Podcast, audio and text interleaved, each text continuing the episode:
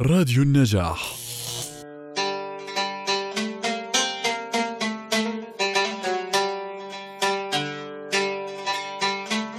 كانت الأندلس من الدول الشهيرة في صناعاتها المدنية والعسكرية إذ عملت في الصناعات التعدينية والصناعات النسيجية والصناعات الغذائية.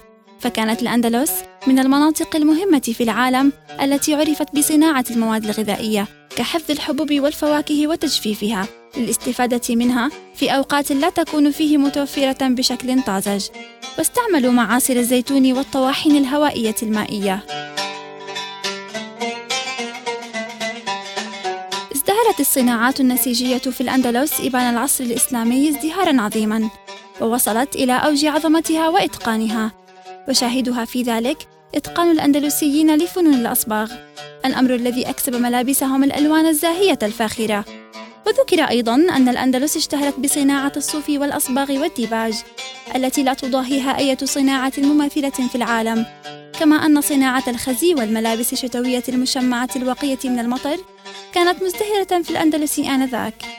كما اشتهرت بمنسوجاتها الحريرية وذلك لتوفر مادة الحرير فيها. ومما يميز صناعات الأندلس رخصها وتوافرها في الأسواق. ومن الصناعات التي لعبت دورا هاما في حياة الأندلس صناعة الفخار المذهب العجيب الذي استخدم في مجالات واسعة للتجارة فيما بين الأندلس وغيرها من المناطق البعيدة. وأبرز المناطق التي كانت مراكز صناعة متخصصة في هذا المجال مالقا. ومن الصناعات الأندلسية أيضا الأسرة المرصعة والحصر الفتانة الصنعة كما أنها اشتهرت إبان العصر الإسلامي بصناعة الجلود ودباغتها. واشتهرت في مجال الصناعات التعدينية بالإضافة إلى الثروة المعدنية الهائلة. ففي الأندلس معادن كثيرة كالذهب والفضة والرصاص والزئبق وغيرها. وأما الصناعة العسكرية في الأندلس فقد بلغت شأنا عظيما في الإتقان والرقي. فكانت صناعات الأندلس الحربية مميزة إذ انتشرت دور صناعة السفن والمراكب البحرية بكثرة.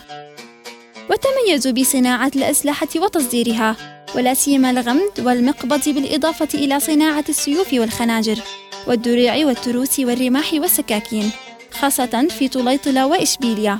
وكان أكثر همم أهل الأندلس متجهة في هذا المجال.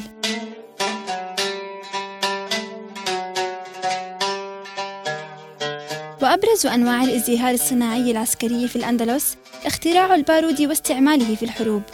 كما استفادوا منه في أغراض مدنية وصناعة المدافع التي كانت من الصناعات المتقدمة عند المسلمين. ونتيجة لهذا التقدم فإن الأندلس كان لها الدور الأكبر في مجالات الحضارة والقوة العسكرية التي فرضت سيطرتها على مناطق بحرية مهمة نظرا لتوافر المواد الأولية ولوجود ازدهار اقتصادي فيها سواء الصناعي منه والزراعي.